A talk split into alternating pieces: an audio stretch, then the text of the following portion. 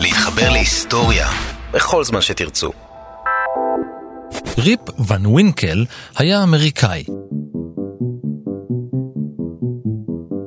הוא היה גם הולנדי, אבל זה היה במקור. המוצא האירופי שלו הקנה לו את התואר מתיישב באדמה החדשה, ובימים שלפני שאמריקה נפרדה סופית מאנגליה, הוא היה אחד מתושבי הקולוניות במדינת ניו יורק. ניו יורק עדיין לא הייתה מדינה, כיוון שהמלך ג'ורג' השלישי עדיין שלט במושבות האימפריה ביבשת, ובצל הרי הקציל התנמנמה לה קהילה חקלאית קטנה ביישוב טיפוסי לתקופה. יום אחד יצא לו מרוון ווינקל לטיול בהרים. זה לא היה סתם טיול, אלא ממש מסע של בריחה. אשתו הציקה לו, והיום הסתווי שהתפרע בחוץ לא הרתיע אותו, והוא יצא עם הכלב שלו והאקדח שלו אל שבילי ההרים.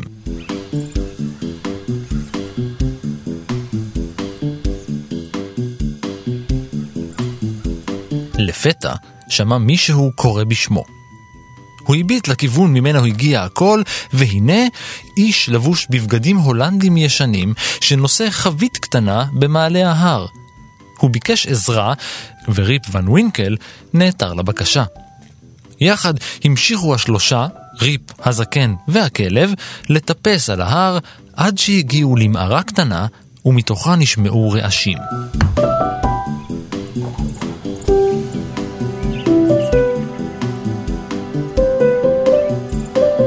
ון ווינקל הביט פנימה וגילה קבוצה של שלושה גברים מזוקנים לבושים בבגדים אוריינטליים והם משחקים בדממה באולינג. רק קול הפינים הנופלים נשמע מתוך המערה כמו רעם מתגלגל.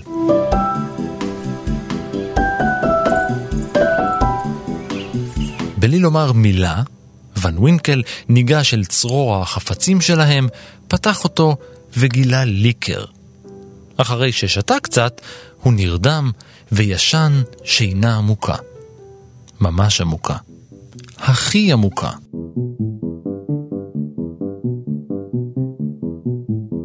כי כשהתעורר, הוא גילה חדשות מרעישות. האקדח שלו היה חלוד כולו והחל להתפורר. הזקן הקטן שהיה לו הפך לזקן באורך של מטר, והכלב שלו לא נראה באף מקום. הוא חילץ את עצמותיו וירד חזרה אל הכפר שלו. בכפר בדיוק הסתיים לו יום הבחירות והקלפיות זה עתה נסגרו. אף אחד לא זיהה אותו כשהסתובב בין בתי היישוב, ואנשים שניגשו אליו שאלו אותו למי הוא הצביע. בחירות? אילו בחירות? הוא חשב לעצמו. מה זה בכלל בחירות? אני, הוא הצהיר, נאמן למלך ג'ורג' השלישי. הוא לא ידע שבזמן שישן התרחשה מהפכה, ומלחמת העצמאות האמריקאית שינתה את העולם. אנשי הכפר כמעט ביצעו בו לינץ' על האמירה המיותרת הזאת, והוא ניצל בנס, כשאחת מזקנות המקום זיהתה אותו כריפ ון ווינקל, שנעדר זה שנים ארוכות מאוד. הוא ישן במשך עשרים שנה.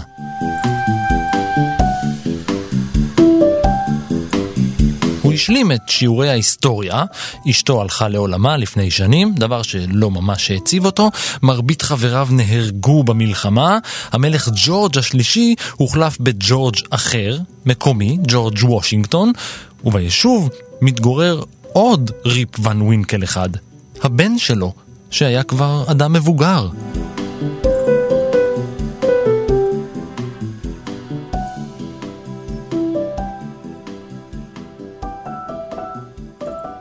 ריפ ון ווינקל הוא רק מעשייה שנכתבה ב-1819 על ידי וושינגטון ארווינג. אבל היא אגדה שפורטת על המיתרים שנמצאים אצל כולנו. מי מאיתנו לא היה רוצה לחזור אל העבר ולתקן משהו שלא היה צריך לקרות. להשפיע על ההווה והעתיד באמצעות שינוי של משהו בעבר. אולי לבקר בעתיד כדי לתכנן את ההווה טוב יותר? מתי התחלנו לחשוב על המושג הזה, זמן? ומתי נראה לנו הגיוני שאנחנו נעים עליו? אולי אנחנו בכלל לא זזים? אולי הכל רק אשליה?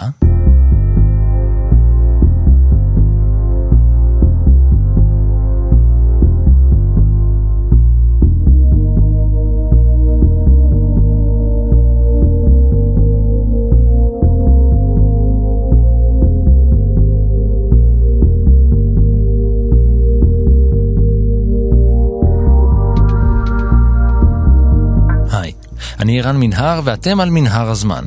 מדי פרק אנחנו מספרים לכם על מקרה שקרה בעבר מזווית שכנראה עוד לא הכרתם.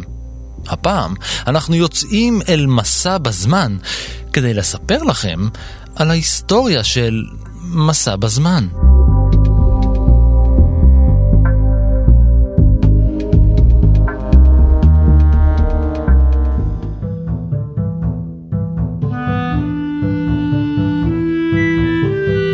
נראה שתמיד אהבנו להשתעשע ברעיון של מסע בזמן.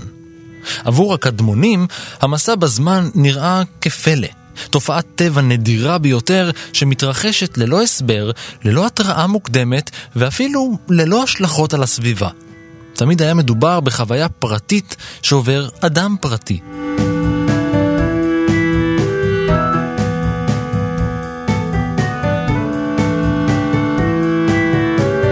ככה היה עם חוני המעגל, אולי הדוגמה המוקדמת ביותר לסיפור של מסע בזמן.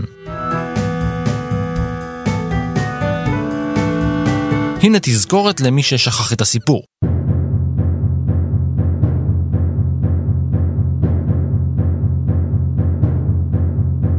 במאה הראשונה לפני הספירה, חוני המעגל נרדם וישן במשך 70 שנים, וכששב לביתו, לא הכיר איש מבני העיר שלו, ואיש לא הכיר אותו.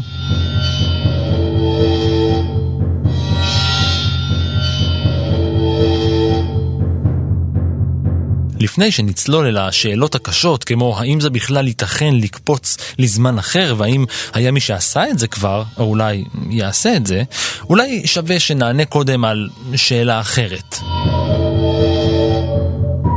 מה זה בכלל זמן?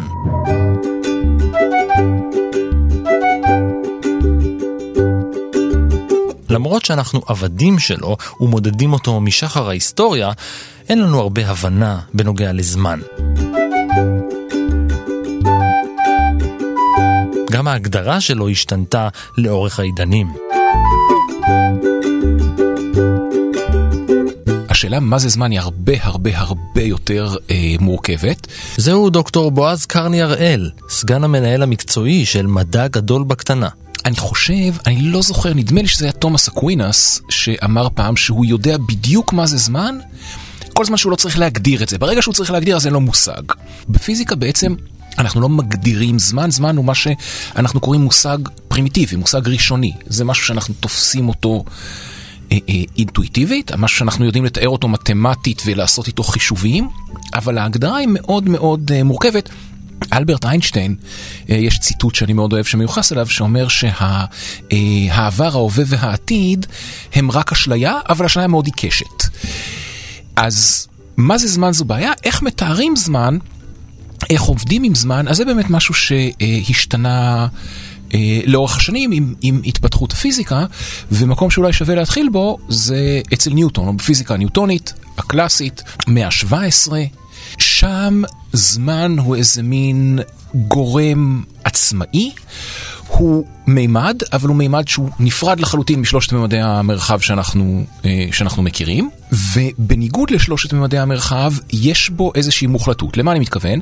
אם אנחנו אה, מדברים על, אה, מסתכלים על שני אנשים, אנחנו בפיזיקה אנחנו קוראים לזה שני צופים, אנחנו מסתכלים על שני צופים, אחד מהם עומד במקום והשני זז באיזושהי מהירות לצורך פשטות מהירות קבועה, קו ישר, זז, ואנחנו, ואני שואל אותם, את שניהם, אני מצביע על איזושהי נקודה ואני שואל איפה הנקודה הזו. אז אחד יגיד, הנקודה הזו היא שני מטר ימינה ממני.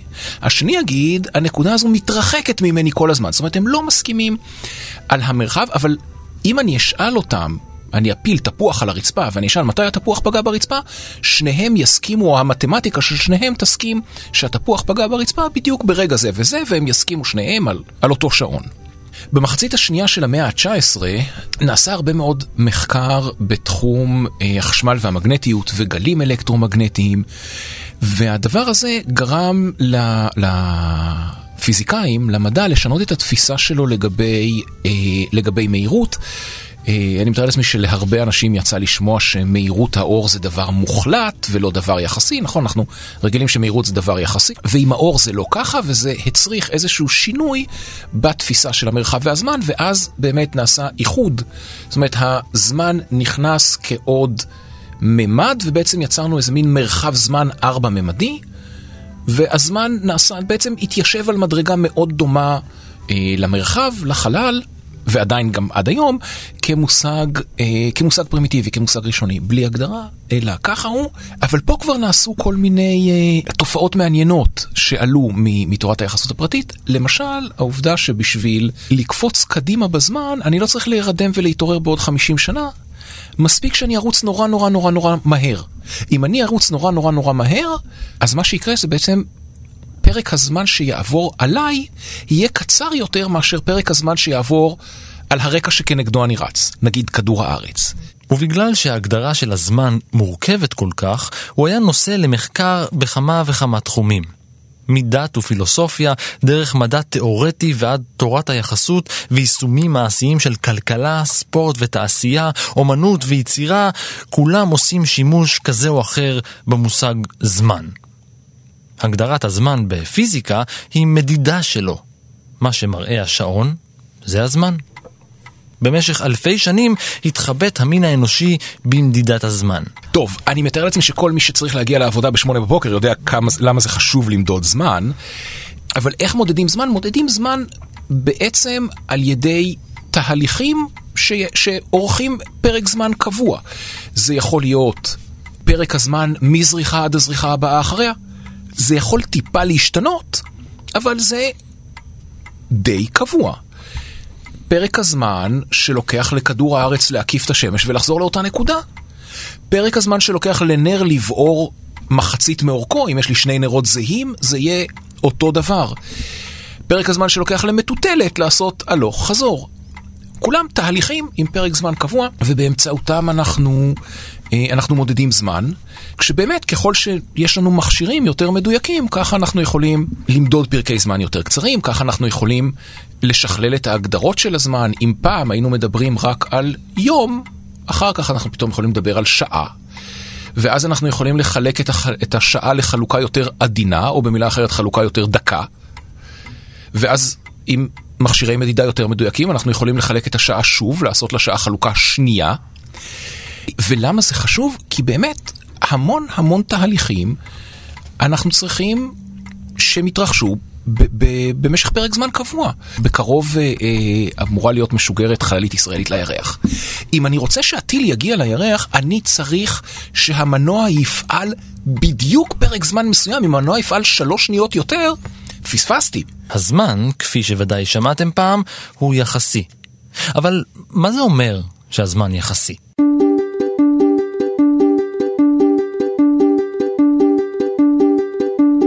תסתכלו על השעון רגע. מה השעה? יפה. איך אתם יודעים מה השעה? אתם רואים את הספרות או המחוגים בשעון. נהדר, אבל איך אתם באמת רואים? אהה.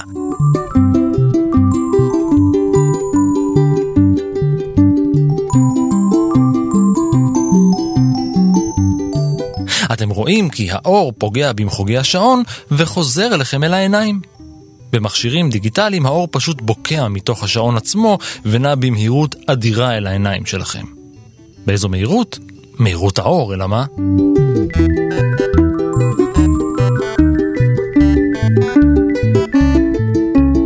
זו המהירות הגבוהה ביותר ביקום, כמעט 300 אלף קילומטר בשנייה. המהירות האולטימטיבית.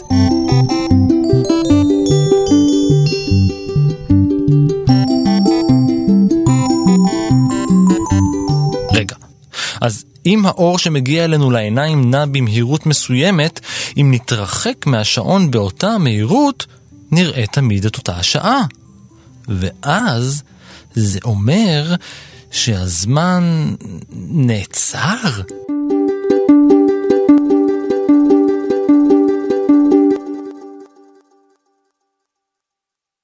כן, אז ככל שאני זז במהירות יותר גדולה, הזמן יעבור עליי יותר לאט, וזה לא רק עניין שאני לא אראה את השעון או אראה את השעון זז לאט יותר.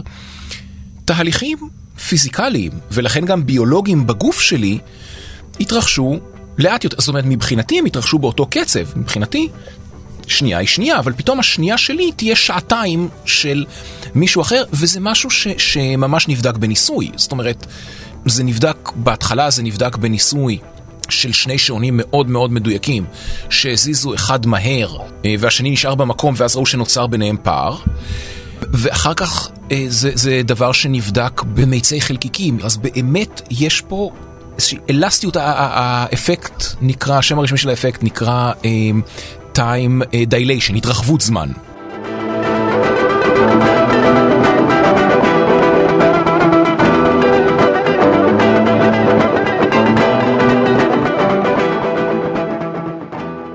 הזמן הוא בעצם לא דבר קבוע. הוא משתנה ותלוי במהירות. כמה זמן ייקח למישהו לעבור עשרה קילומטר בצעידה? וכמה זמן ייקח למישהו לעבור עשרה קילומטר בצעידה בתוך קרון רכבת נוסעת? פרדוקס צריך להיות משהו שאני מסתכל עליו ואני אומר, אם אני מסתכל עליו מצד אחד אני מקבל תוצאה אחת, אם אני מסתכל עליו מצד אחר אני מקבל תוצאה שנייה ואני לא יכול ליישב ביניהן. עכשיו, אם יש לי שני תאומים, אחד נשאר על כדור הארץ, שני עולה על חללית, טס לחלל במהירויות עצומות, אז אין שום בעיה שבאמת אחד מהם יזדקן יותר לאט וייווצר ביניהם פער גילאים. זה לא פרדוקסלי, זה מוזר, זה מפתיע, זה לא אינטואיטיבי, אבל זה לא פרדוקסלי. איפה יושב פרדוקס התאומים? פרדוקס התאומים אומר דבר כזה. יש שני תאומים, אחד יושב בכדור הארץ, השני עולה על חללית, טס לחלל וחוזר. עכשיו בואו נסתכל, מבחינת התאום שיושב על כדור הארץ, זה שטס לחלל זז במהירות מאוד גבוהה, מתרחק ממנו במהירות מאוד גבוהה, ולכן מזדקן יותר לאט ויהיה צעיר יותר כשהוא יחזור. מבחינת זה שבחללית, הוא הוא מבחינתו, מבחינת עצמו, הוא נשאר במקום. זה שעל כדור הארץ מתרחק ממנו במהירות גבוהה ואז חוזר אליו, ולכן זה שנשאר על כדור הארץ צריך להיות הצעיר יותר. ופה הפרדוקס. לכאורה, ולפרדוקס הזה יש גם פתרון, אז זה בסדר. לכאורה, כל אחד מהתאומים צריך להיות, מנקודת מבטו שלו, כל אחד מהתאומים צריך להיות התאום הזקן כשהם נפגשים, ולא יכול להיות, רק אחד מהם יכול להיות זקן יותר כשהם נפגשים שוב. לפרדוקס הזה יש פתרון מאוד פשוט. הפתרון הוא שאחד מהתאומים, המצב שלו משתנה. אחד מהם מתרחק וחוזר. זאת אומרת, הוא מבחינתו עובר חוויה של שינוי כיוון, חוויה של שינוי מהירות, ולכן הוא זה שיהיה הצעיר יותר. אז האם הזמן בחלל זז אחרת מאשר בכדור הארץ? ומים מתחת למים? בהחלט כן. מתחת למים פחות, אבל הרחק בחלל לגמרי, כי, ואנחנו פה נכנסים, נוגעים כבר ב, ביחסות כללית, שבטח נרחיב עליה בהמשך, כבידה משפיעה על מעבר הזמן. וככל שאני נתון להשפעות אה, של כבידה חזקה יותר, כך אני מזדקן לאט יותר. זאת אומרת, מי שנמצא הרחק בחלל, מזדקן יותר מהר ממי שנמצא על כדור הארץ. האמת היא שאפשר אפילו להגיד שהרגליים שלנו מזדקנות יותר מהר מהראש שלנו, כי הרגליים שלנו יותר קרובות לכדור הארץ. יש מכשיר אחד שאנחנו משתמשים בו כולנו, כמעט כולנו, שתלוי ב... בשביל תפעולו בדברים שנמצאים בחלל, שזה ה-GPS. ואם אנחנו לא נתחשב באפקטים האלה של היחסות הכללית, של העיוות זמנים כתוצאה מכבידה, אז GPS צובר שגיאה של, אה, ראיתי פעם את החישובים, זה סדר גודל של, אם אני זוכר נכון, משהו כמו עשרה קילומטר לכל יום פעולה. GPS שמפספס בעשרה קילומטר לא באמת שווה לנו הרבה. וזה ממש ככה, כל פעם שאנחנו מפעילים Waze ומגיעים בהצלחה מנקודה א' לנקודה ב', אז אנחנו עושים ניסוי קטן שתומך בנכונותה של תורת היחסות הכללית.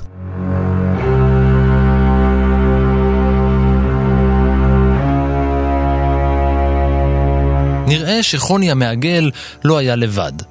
כיוון שהזמן הוא דבר נזיל, כבר משחר ההיסטוריה עסקו בני אדם באפשרות לסחוט דרך הנוזל הזה, או לנוע דרך המרחב הזה.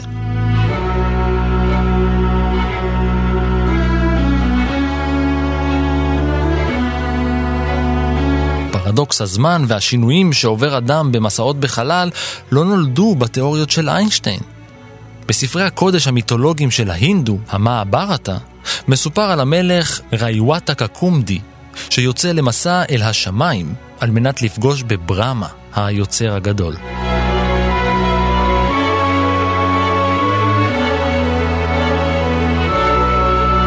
בסוף האפוס חוזר המלך אל האדמה ומגלה שחלפו עידנים רבים בזמן שנעדר.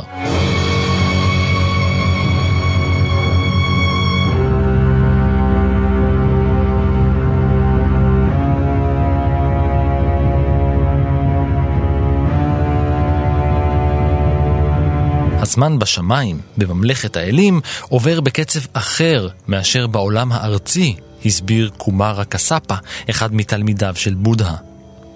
אבל אם לסמוך על הפולקלור, לא רק בשמיים או בחלל הזמן עובר מהר יותר, אלא גם מתחת למים, בתוך הים. ככה לפחות מספרת האגדה היפנית אוטיגי בנאשי מהמאה השמינית לספירה. אורשי מטרו היה דייג צעיר שהעלה בחכתו צו.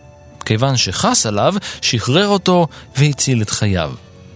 כאות תודה, הצב נשא אותו על גבו הרחק הרחק אל ארמון הדרקון אי שם במעמקים מתחת לפני הים.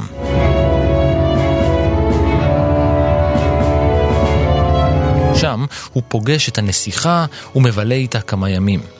ואז הגיעה העת לשוב אל עולם בעלי החיים היבשים.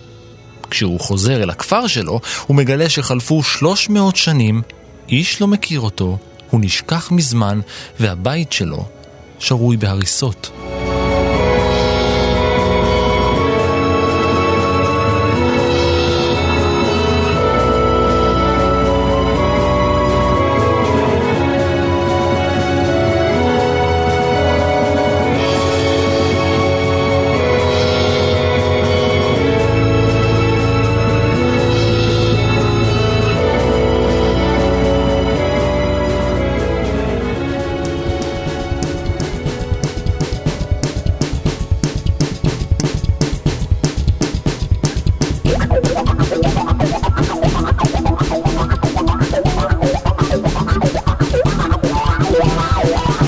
נראה שבמשך אלפי שנים הסיפורים המוזרים על המסעות האפיים אל עולמות אחרים תמיד היו בנויים באותו האופן. גיבור שיוצא למסע אל ממלכה עלומה, שוהה בפרק זמן קצר וחוזר כדי לגלות שעבר המון זמן במקום אותו עזב. אבל במאה ה-18 עברו סיפורי הפולקלור והפכו מסיפורי עמים לעניין ספרותי. ז'אנר המדע הבדיוני נכנס לתמונה, וכשמדובר במדע, הוא צריך להיות מבוסס, גם אם הוא בדיוני.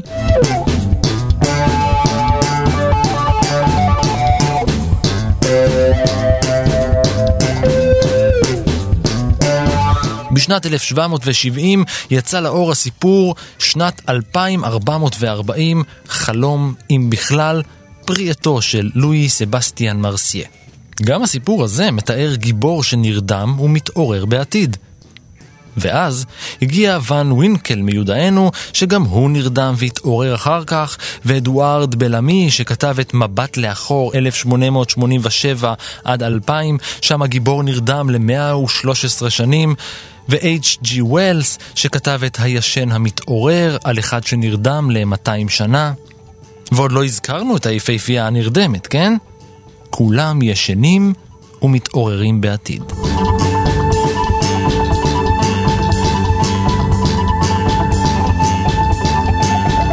אני למיטב ידיעתי בן אדם שיישן בלי תמיכה רפואית, הוא uh, יגבה ברעב, פצעי לחץ, הגוף ממשיך להזדקן כשאתה ישן, זאת אומרת השינה. אבל מצד שני, אם אני חושב מבחינה, מהבחינה הפסיכולוגית, כשאני ישן, אני מבחינתי עצמתי עיניים, פקחתי עיניים, בתחושה הסובייקטיבית שלי אין מעבר זמן, ופתאום מחושך נעשה אור. זאת אומרת, אני מתאר לעצמי שזה מגיע מה, מהדברים האלה, מזה שבחוויה היומיומית שינה היא מין קפיצת זמן כזו.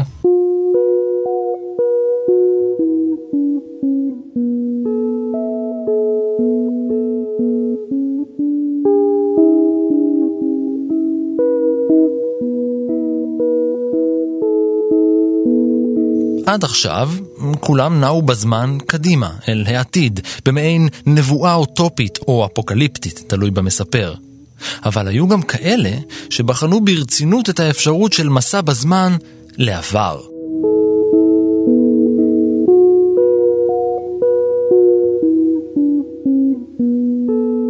למשל, צ'ארלס דיקנס, שכתב את מזמור לחג המולד ב-1843. הוא כתב בו על אבנעזר סקרוג' שיוצא לחגוג את חג המולד גם בעבר וגם בעתיד. עשרים שנה לאחר מכן כתב הסופר הצרפתי פייר בואטארד את הספר פריז שלפני האדם, בו גיבור הסיפור נשלח על ידי שד אל הפרה-היסטוריה, שם הוא פוגש את אבותיו של האדם המודרני ואת הדינוזאורים. עוד עשרים שנה חלפו, והסופר אדוארד אוורט הייל מוציא לאור את הספר Hands Off. הוא מציע קונספט בדיוני חדש שנגזר מהמסע בזמן. מציאות חילופית. על פי הסיפור, רוחו של מת חזרה בזמן אל ההיסטוריה המצרית העתיקה ומנעה את נפילתו של יוסף בשבי המצרי.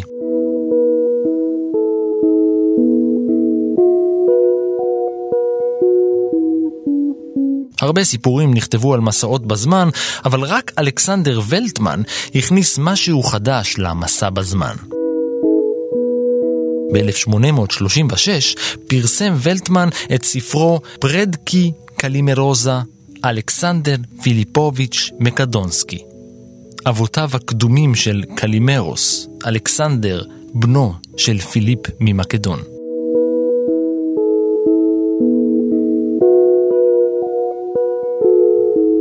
זה היה רומן המדע הבדיוני הרוסי הראשון, והראשון שאי פעם סיפר על מסע בזמן, כשגיבור הספר יוצא למסע ביוון העתיקה. אחרי תלאות ועניינים, הוא יוצא חזרה לזמן שלו, אל המאה ה-19, והוא עושה את זה באמצעות המצאה מכנית. קודם כל, יש לנו יותר כלים. אנחנו, אם אנחנו מדברים על תחילת המאה ה-19, המציאו את הסוללה. פתאום בן אדם יכול לקחת חשמל ולשים בכיס, ואני הזכרתי קודם שהיה הרבה מחקר של חשמל במאה ה-19, וזו הסיבה. יש לנו שעונים מדויקים יותר, אה, אה, מיקרוסקופים מדויקים יותר, ו, ויש לנו איזושהי תפיסה שאפשר לעשות דברים. שפתאום דברים שאי אפשר לעשות, אפשר לעשות. אגב, אפשר לראות את זה בספרות של אותה תקופה, שבספרות אה, הבדיונית, הטכנולוגיה והמדע הם כלים שיפתרו את בעיות האנושות בהרבה מאוד ספרים. אנחנו נחיה באוטופיה מדעית, ירפאו את כל המחלות, השלטון יהיה רציונלי ולכן טוב, אה, לאו דווקא נכון וכולי וכולי. ויש פה גם אה, במקביל שיפור של התקשורת. זאת אומרת, אם אנחנו מסתכלים על המאה ה-17, אמ, אז יש לנו, ב- ב- למשל בעבודות של ניוטון ולייבניץ, אז בעבודות שניוטון הקדים את לייבניץ בכמה וכמה שנים, עדיין יש קרדיט משותף, כי ברור לכולם שלייבניץ הגיע לזה בצורה עצמאית, המידע לא היה יכול להגיע עד אליו.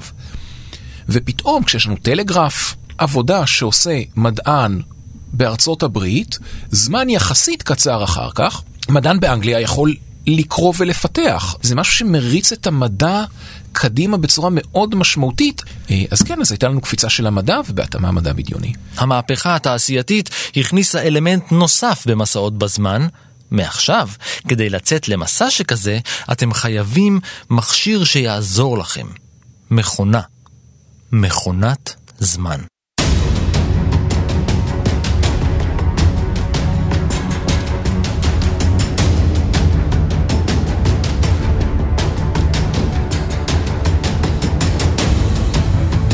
מכונת הזמן הראשונה הייתה חצי מכשיר מכני וחצי קסם. בסיפור "השעון שחזר לאחור" מתאר אדוארד פייג' מיטשל איך שעון אחד, שאחרי שהיו מותחים אותו, היה מתחיל להסתובב לאחור ושולח את כל מי שנמצא סביבו לטיול בעבר. הוא לא טרח לספר או להסביר איך השעון הזה עובד, אבל מילא. בכל זאת, השנה הייתה 1881 ואף אחד לא טרח לשאול.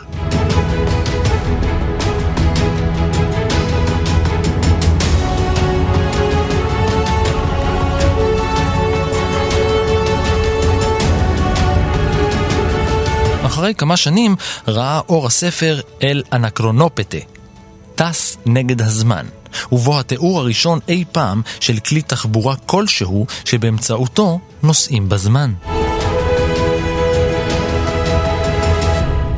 לא נרדמים ומתעוררים. זה לא חלום, זוהי נסיעה של ממש, טיסה אפילו.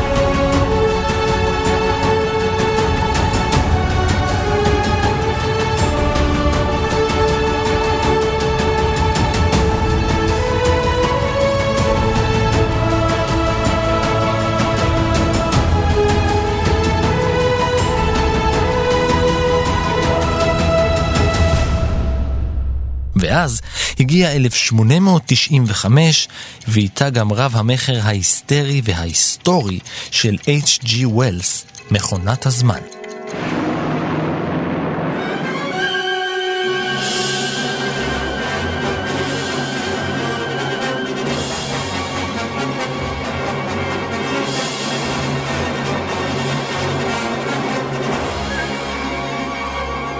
במרכז הסיפור מדען אנגלי שחי בתקופה הוויקטוריאנית ומנסה להוכיח לחבריו בארוחת סוף שבוע שהוא אכן המציא מכונת זמן שיכולה לשאת נוסע בזמן. במהלך הניסויים ובדיקות ההמצאה שלו הוא מתקדם כמה שעות אל העתיד, ואז כמה שנים, ואז כמה מאות, הוא רואה את הנוף סביבו משתנה במהירות, והוא ממשיך אל העתיד במהירות גוברת, רק כדי לעצור בשנת 802,701. אז הוא פוגש בחברה של אנשים בוגרים שמתנהגים כמו ילדים, לא מדברים, אוכלים רק פירות וירקות, וכולם חיים במבנה עתידני ישן. אז הוא מגלה שמכונת הזמן שלו נגנבה הוא מגלה עוד זן של יצורים שחי מתחת לאדמה, מאכיל את יושבי הארץ וטובח בהם לטובת מזון. במילים אחרות, הנוסע בזמן מגלה שהמין האנושי התפתח והתפצל לשני יצורים שונים, שאחד מהם מגדל את השני לצורך מאכל. לא נגלה את כל הסיפור והטוויסטים בעלילה, לכו לקרוא את הספר. מכונת הזמן הפך ללהיט היסטרי, הוא עובד לסדרות רדיו ולתסכיתים, לקולנוע, לטלוויזיה ולסדרות קומיקס ארוכות. אולם הדבר הגדול ביותר שהוא עשה הוא לפתוח פתח, שנראה שהיה שם כל הזמן, אבל אף אחד לא העז לפתוח לרווחה. הוא הצית את הדמיון ואת האפשרויות הגלומות במסע בזמן, כאילו שרק עניין טכני מפריד בין המין האנושי והיכולת לבקר בזמן אחר. אז קודם כל בוא נפריד את זה לשני דברים. לנסוע קדימה בזמן ולנסוע אחורה בזמן. לנסוע קדימה בזמן, התשובה היא חד משמעית כן, וכבר גם אמרנו איך. כל מה שצריך זה לזוז מהר. ולזוז מהר זה פיתוח, לפחות עד רמה מסוימת, זה עניין של פיתוח טכנולוגי. לנסוע אחורה בזמן זה עסק הרבה הרבה הרבה יותר אה, מסובך. פה לא יעזור לנו כמה מהר נזוז, המקסימום שנצליח אה, אה, להגיע זה לעצור את הזמן. לא לחזור אחורה, או לא לעצור את הזמן, זה לא נכון לעצור בזמן. אה, ובתקופתו של ווילס, מסע אחורה בזמן לא היה אפשרי מבחינה תאורטית. אבל העולם משתנה. ובשנת 1915 איינשטיין פרסם את תורת היחסות הכללית, וזו הייתה הפעם הראשונה שתורה מדעית נתנה, התעסקה עם הזמן, נתנה לזמן דינמיקה, אם כבידה משפיעה על הזמן, כיוון שאנחנו יכולים, או כבידה מושפעת ממסות, אם אנחנו מזיזים מסות, אז אנחנו יכולים ממש להשפיע על הזמן. ובמסגרת תורת היחסות הכללית, האמירה הבסיסית היא שמסע בזמן אחורה לא אסור על פי התורה. אבל מתברר שגם ביקום שלנו, לפחות עד כמה שאנחנו יודעים כרגע, לכתוב את משוואות שמתארות אזורים ביקום שהם מה שנקרא closed time-like curves, עקומים סגורים דמויי זמן, שזה בעצם איזשהו נתיב באותו מרחב זמן שהזכרנו קודם, שבו אתה בשלב מסוים חוזר לא רק למקום, אלא גם לנקודת הזמן שממנה יצאת. האם אנחנו יכולים לחשוב בכלל לדמיין אל התכ... אל... את הטכנולוגיה שתנצל את זה? לא. תכף נחזור לעוד תיאוריות מעניינות ביותר על מסעות בזמן, אבל בינתיים הדמיון של יוצרי המדע הבדיוני רק הלך והתפתח. עוד ספרים ועוד סרטים ועוד סדרות שטפו את אמצעי המדיה. בשנת 1966 עלתה לאוויר סדרה חדשה, מנהרת הזמן.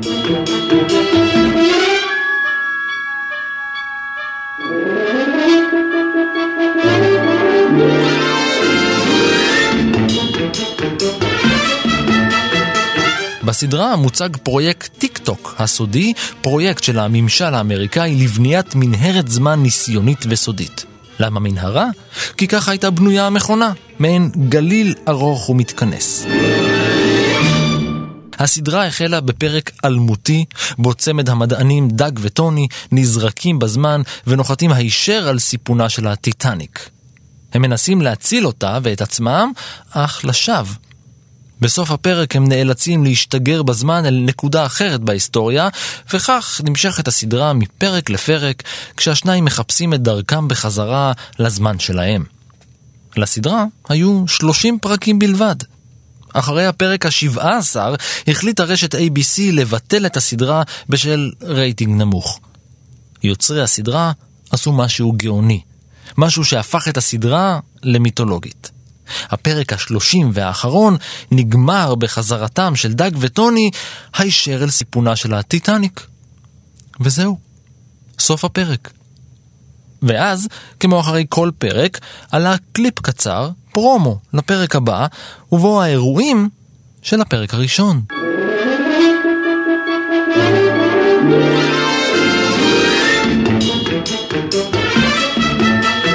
לולאת הזמן הזאת היא אחד הפרדוקסים שנוצרים במסע בזמן.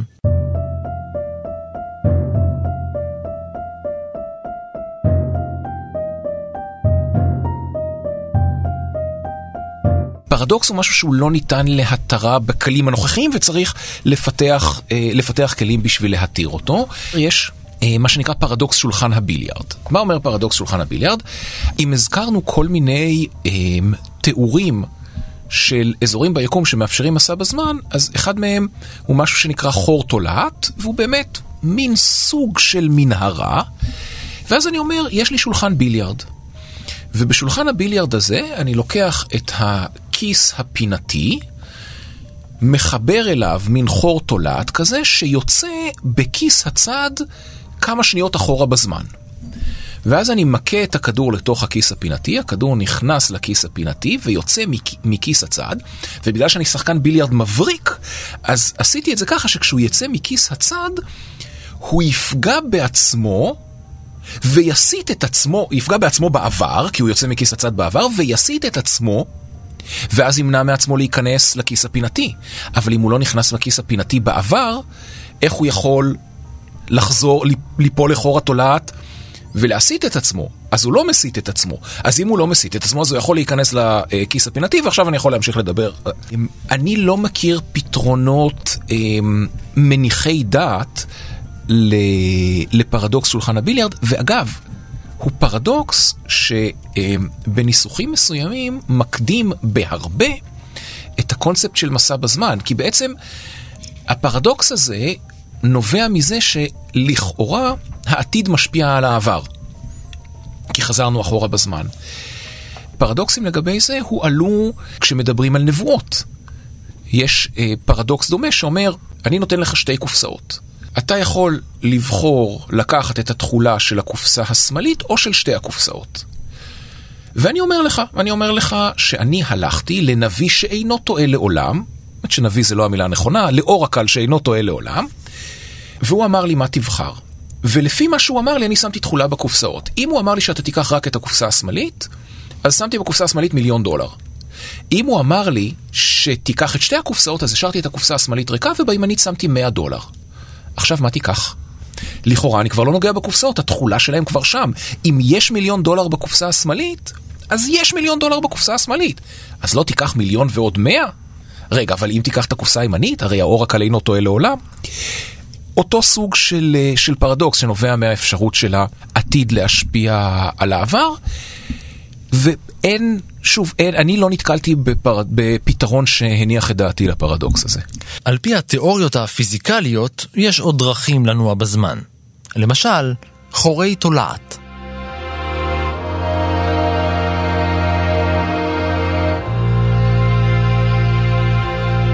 בעצם חור תולעת זה איזשהו אזור במרחב, במרחב זמן, שהוא מתנהג כמו השערים האלה בפורטל, שאתה במשחק פורטל, שאתה נכנס מאחד ויוצא מיד מהשני, שאתה ממש יכול לעבור בין שתי נקודות במרחב ובזמן מיידית.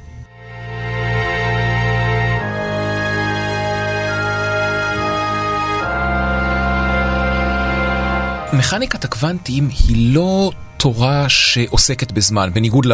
ליחסות הכללית שהזכרנו. אמ, היא לא מדברת על איך הזמן מתנהג, אבל היא כן מספקת אה, אמ, התנהגויות מוזרות שקשורות לזמן. אה, למשל, במכניקת הקוונטים יש גדלים מדידים, דברים שאנחנו יכולים למדוד, הם באים בזוגות, זוגות שמשפיעים אחד על השני, זוגות שאנחנו לא יכולים למדוד בדיוק את שניהם בו זמנית, אז המוכר ביותר זה מקום ומהירות. אני לא יכול בו זמנית לדעת בדיוק מה המקום ובדיוק מה המהירות, ויותר מזה, ככל שאני אדע אחד מהם בדיוק רב יותר, כך אני אדע את השני בדיוק קטן יותר. וזוג נוסף כזה זה אנרגיה וזמן. אז אם אני יודע אנרגיה של חלקיק, אז יותר קשה לי לדעת מתי הוא קיים, או כמה זמן הוא קיים, ממתי עד מתי הוא, אה, הוא קיים, ובהחלט אפשר להגיד שזה לכאורה אומר שיש איזשהו משחק של מתי הוא קיים, ואם אני אמדוד במדויק את האנרגיה שלו, אז אני יכול לגרום לו פתאום להתקיים ב- ב- בזמן אחר. במסגרת תורת השדות הקוונטית, יש לנו חלקיקים שבאים בזוגות, חלקיק ואנטי חלקיק. אה, שאנטי חלקיק זה בעצם כמו החלקיק, אבל עם מטענים הפוכים. למשל, יש לנו אלקטרון, אז יש לנו אנטי חלקיק, אנטי אלקטרון, שנקרא פוזיטרון, שהוא זהה לאלקטרון בהכל, למעט העובדה שהמטען החשמלי שלו הוא הפוך, חיובי במקום שלילי. ומה שנורא מעניין זה שאני יכול לתאר אנטי חלקיק כמו חלקיק שזז אחורה בזמן.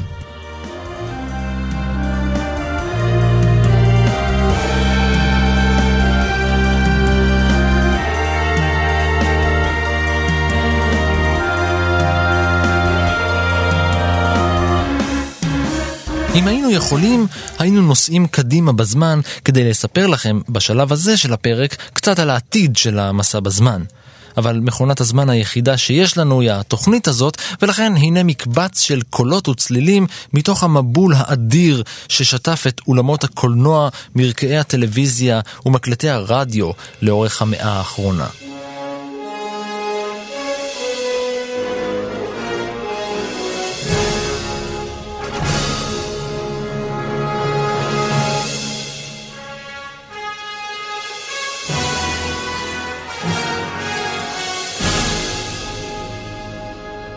בחזרה לעתיד.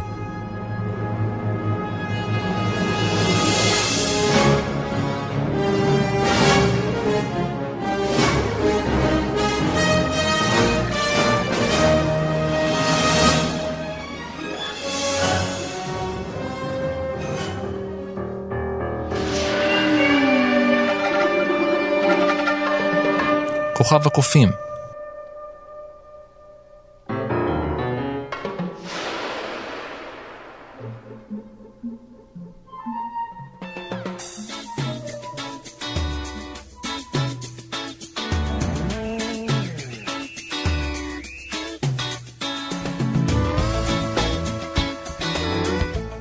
לקום אתמול בבוקר.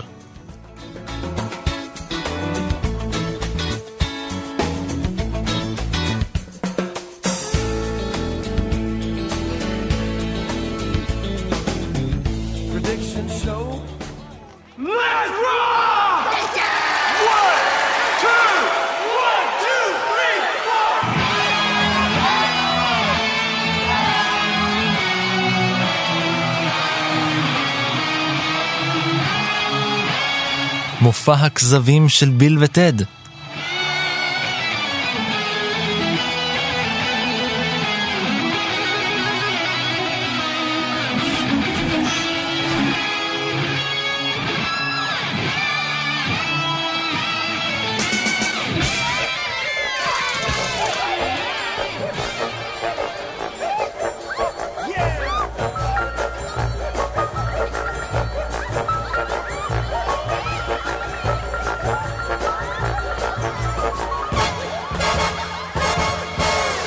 אוסטין פאוורס.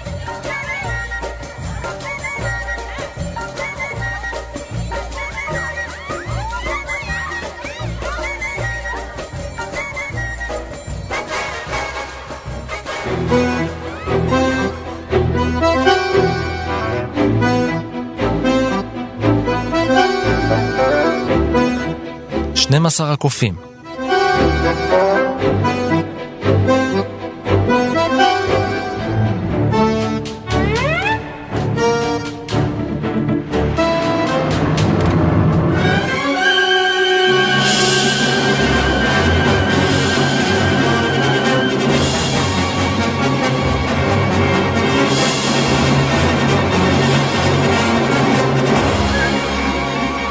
מכונת הזמן.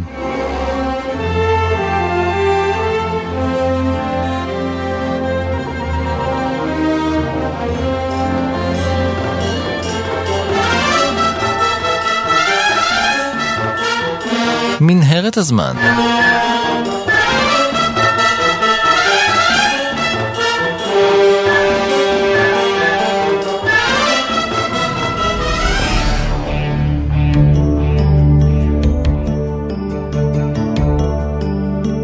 זינוק לאתמול.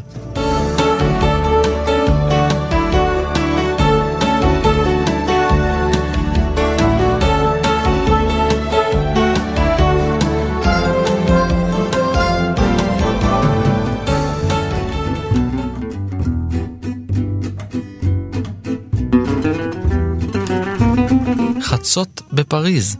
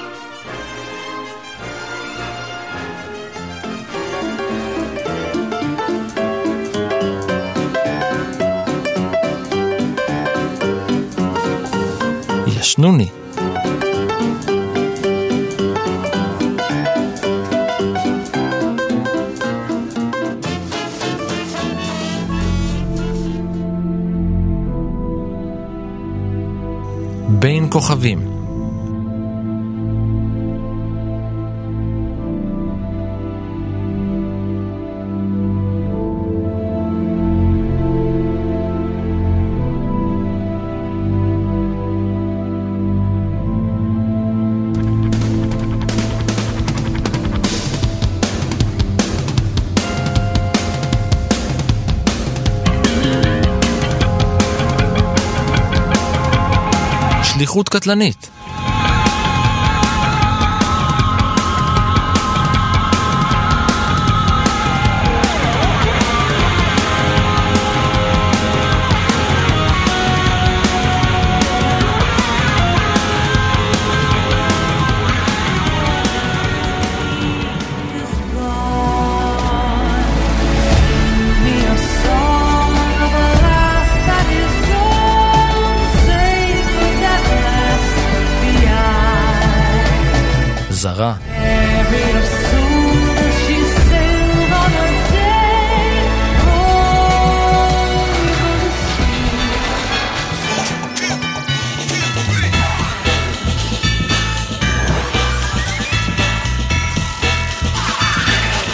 çırama.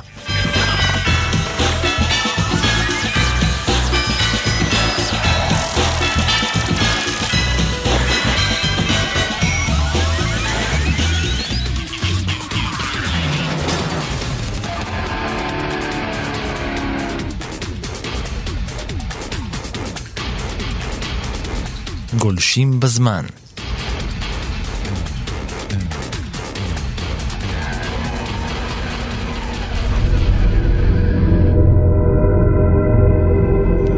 אבודים.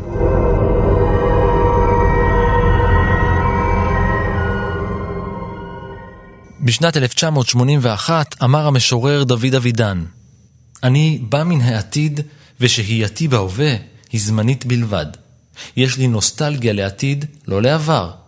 אני זוכר קדימה, נע קדימה, והאפשרויות הנובעות מן העתיד הן שמכתיבות לי את ההווה. בעקבות שיר שלו, הוא כתב וביים את הסרט שדר מן העתיד, המספר על שליח משנת 3005, שמגיע בעזרת מכונת זמן לכדור הארץ ב-1985. הוא מגיע עם מטרה ומסר. הוא צריך לשכנע את מנהיגי העולם בהווה לצאת בכל מחיר למלחמת עולם שלישית, למען עתיד טוב יותר. This is the story of that mission.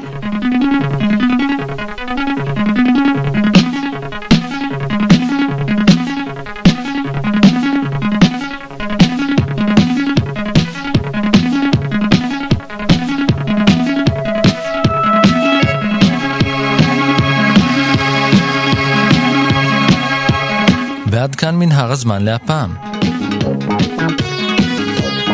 תודה לבועז קרני הראל, תודה גם לאור מנהר שחזר מהעבר והיה על ההפקה, ולניר גורלי שהקדים את זמנו והיה על העריכה. תודה גם ליאיר לשם שהציע את הרעיון לפרק בטוויטר. גם אתם מוזמנים להציע רעיונות ולהגיב ברשתות החברתיות. מנהר הזמן משודרת מדי יום שני בשעה 4 ברדיו כאן תרבות, בכל זמן ביישומון כאן אודי, בכל יישומוני ההסכתים וגם בספוטיפיי. אני ערן מנהר, נשוב וניפגש בפרק הבא.